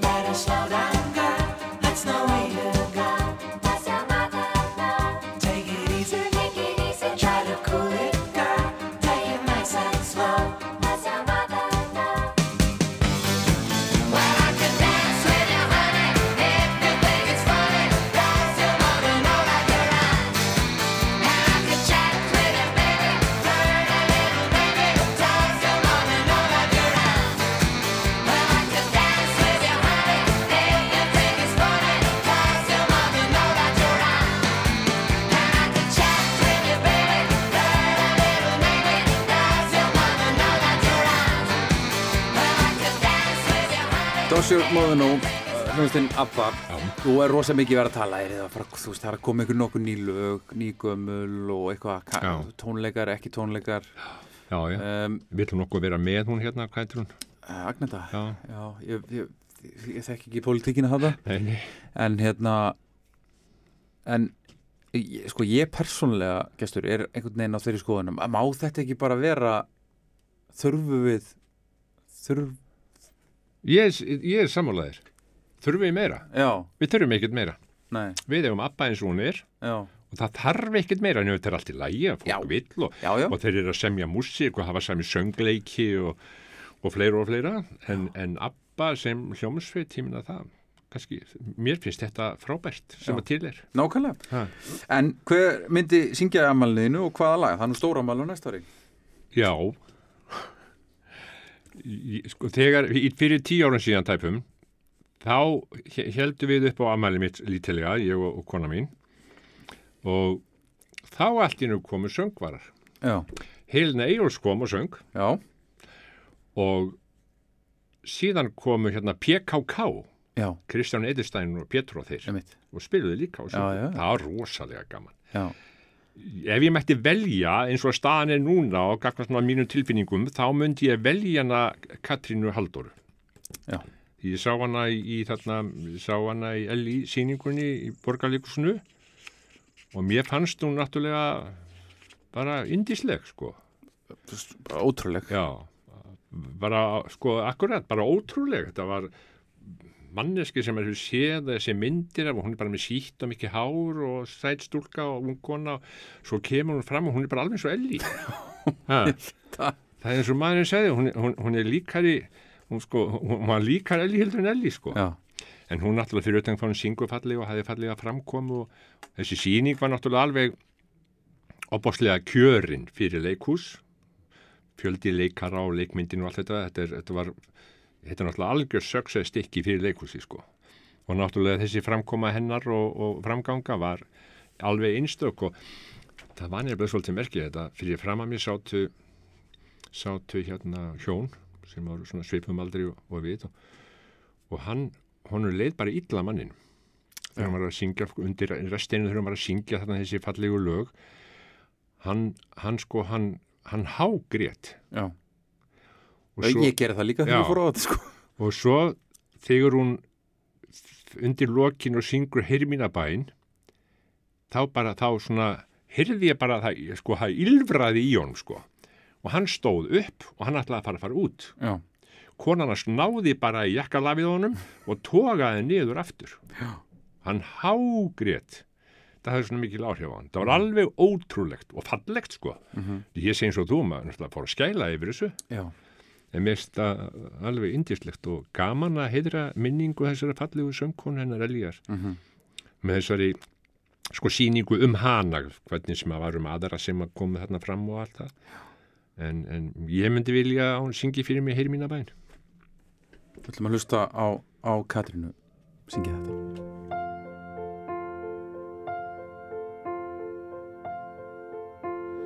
Heyr mína bæn, mildasti blær, berðu kveðju mín yfir höf, syngdu honum saknaðar ljóð, vanga hans blítt, vermir þú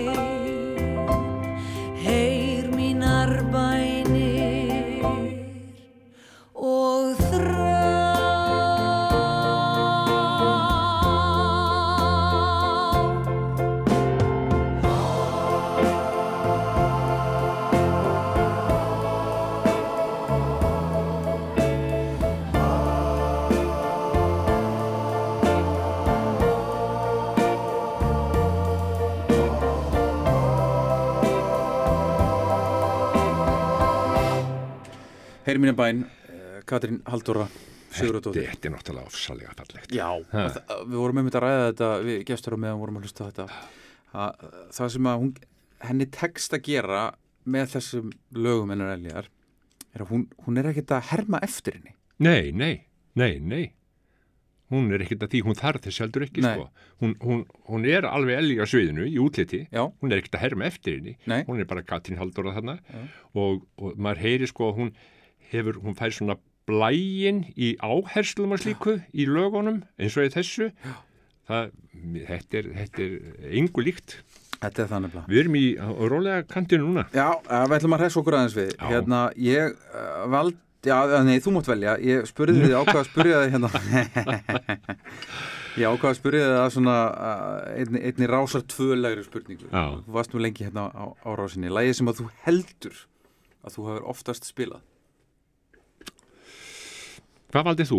Ég, ég, sko, ég giska á að hafi verið hérna Red River Rock, sko. Já, sko ég, nei, það, það er náttúrulega reyndar ekki rétt, sko, ég náttúrulega hafði ég hafði lag sem ég haf, sko, þegar ég opnaði þáttinn. Já, það er sko, það er ekkert með, Nei, ok, ég spilaði Red River Rock eins og í viku, já það ekki? Jú, Já, eins og í viku og ég spilaði sirpu af svona Chantilly Lay, svona rock and roll sirpu já, með David Clark 5 já ég skrifaði það nú reyndar Nei, nei. niður, hún er alltaf skemmtileg líka.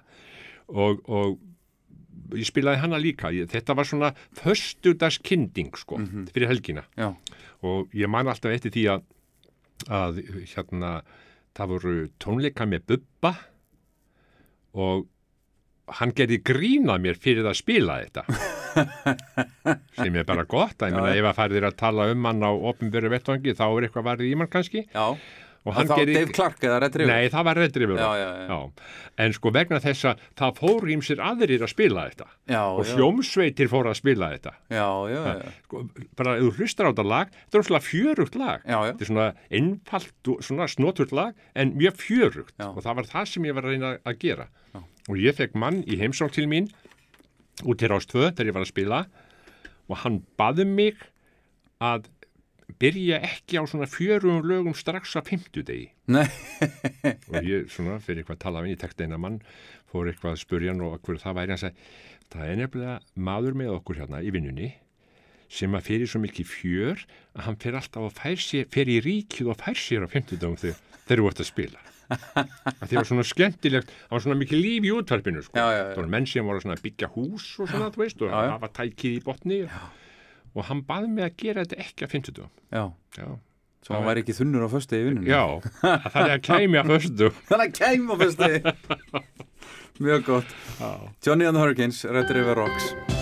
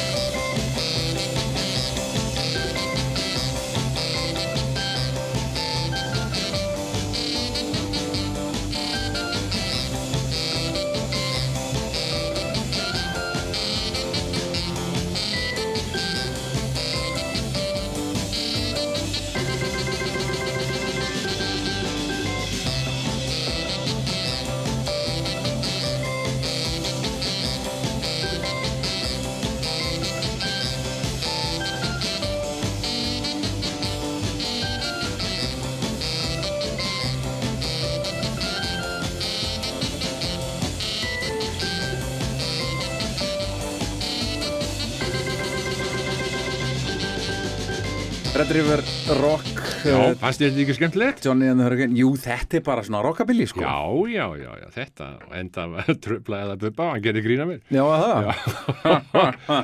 Var ekki bara fúll að þið varst ekki að spila hann Nei, ég spilaði bubba mikið mér Er það ekki? Jú, að mér spubbi frá Já, hann er það, hann er það Herru, næst er að það lag sem þú ert að hlusta mikið á um þessa mundir Já, ég sko, er það að ég get nú eiginlega ekki sagt að ég sé að hlusta mikið á eitthvað sérstætt um þessa myndir Nei. því að maður er svona stæstum hlusta bara að hlusta mest á, á útvarpi þá Já.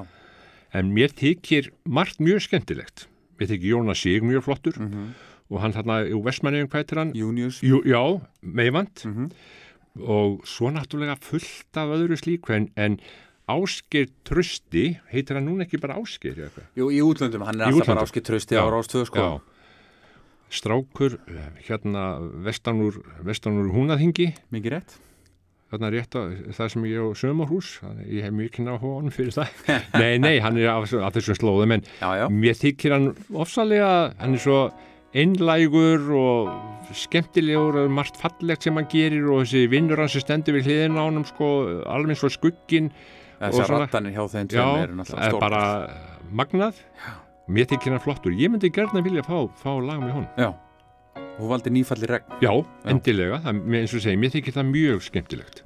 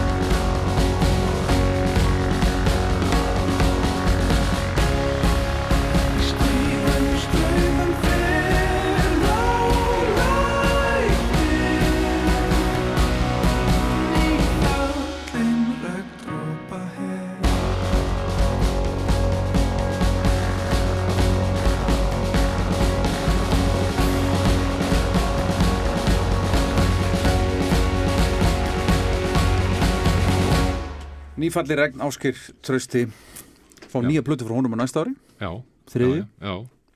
Hva, hvað er hann að gera þessi strákur núna? Er hann ekki bara í útlöndum? Jú, hann er bara tónlistamöður og er bara að spila út um alla trissur. Já, maður heyri sko uh, uh, þarna í vinnunni minni, þarna í flugsafninu, ég fæn alltaf mjög marga gesti frá útlöndum Já, og sko fólk spyr eftir honum já, já, ha, já, já. um, um þennan strák. Eins og ég segi, hann svona hæglátur, ber ekkert á hann, var gaman eins og reyndar margt að þessu unga fólki í dag, það er ekkert verið að sperra sinni, sko. Þannig að það er gaman að, að finnst- það er gaman, ég óskaði þess að eigi þetta að gera mikið og margt. Það mun hann gera, án Eva. Eh, gestur, síðustu tónleika þú fórst á?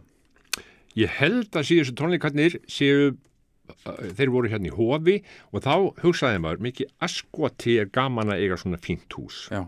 á svona litlum staðins og akureyri, eiga gott menningarhús og geta tekið við listamönnum sem að eru á heimsmæli kvarða, koma yfirleitt bara þá til Reykjavíkur, náttúrulega vegna fjöldans, en koma ég að vil hingað. Jethro Tull komi hérna. Og spiluðu fyrir okkur. Alveg frábæra skemmtilega tónleika. Spiluðu Aqualung í sko báðum útgáfunum. Að útgáfur, tvær útgáfur að þessu algjörlega. Ég kefti Aqualung plötuna þegar hún kom og, og, og mér finnst það bara einn skemmtilegasta plata sem ég á. En það væri gaman að fá eitt lag af, af henni mm Mhm. þarna var maður sko alveg onni Jan Andersson og þessum köllum og það er líka svo gaman að þeirra koma hérna einhvern eins og þeirra fókus kom og spilaði hérna á hattinum hollenska hljónsveitin og þá var maður alveg ón í þeim og og þeir sko, svo þegar þeir eru komað með nýja menn inn, þá er þetta alls svo góðir hljóðfærarleikar. Já. Þetta eru strákar sem að, já, menn og konur sem að kunna hafa lært á hljóðfæri og eru ofbóðslega fær og það er svo gaman að svoleiðis. -hmm. eins og þeir eru hérna í Ísæri hljóðsveit, Jethro Tull Já. og félagar eins og einhver sagði. Já, já, Jethro Tull og félagar. Já. Já, Led og Zeppelin. Cross-eyed Mary.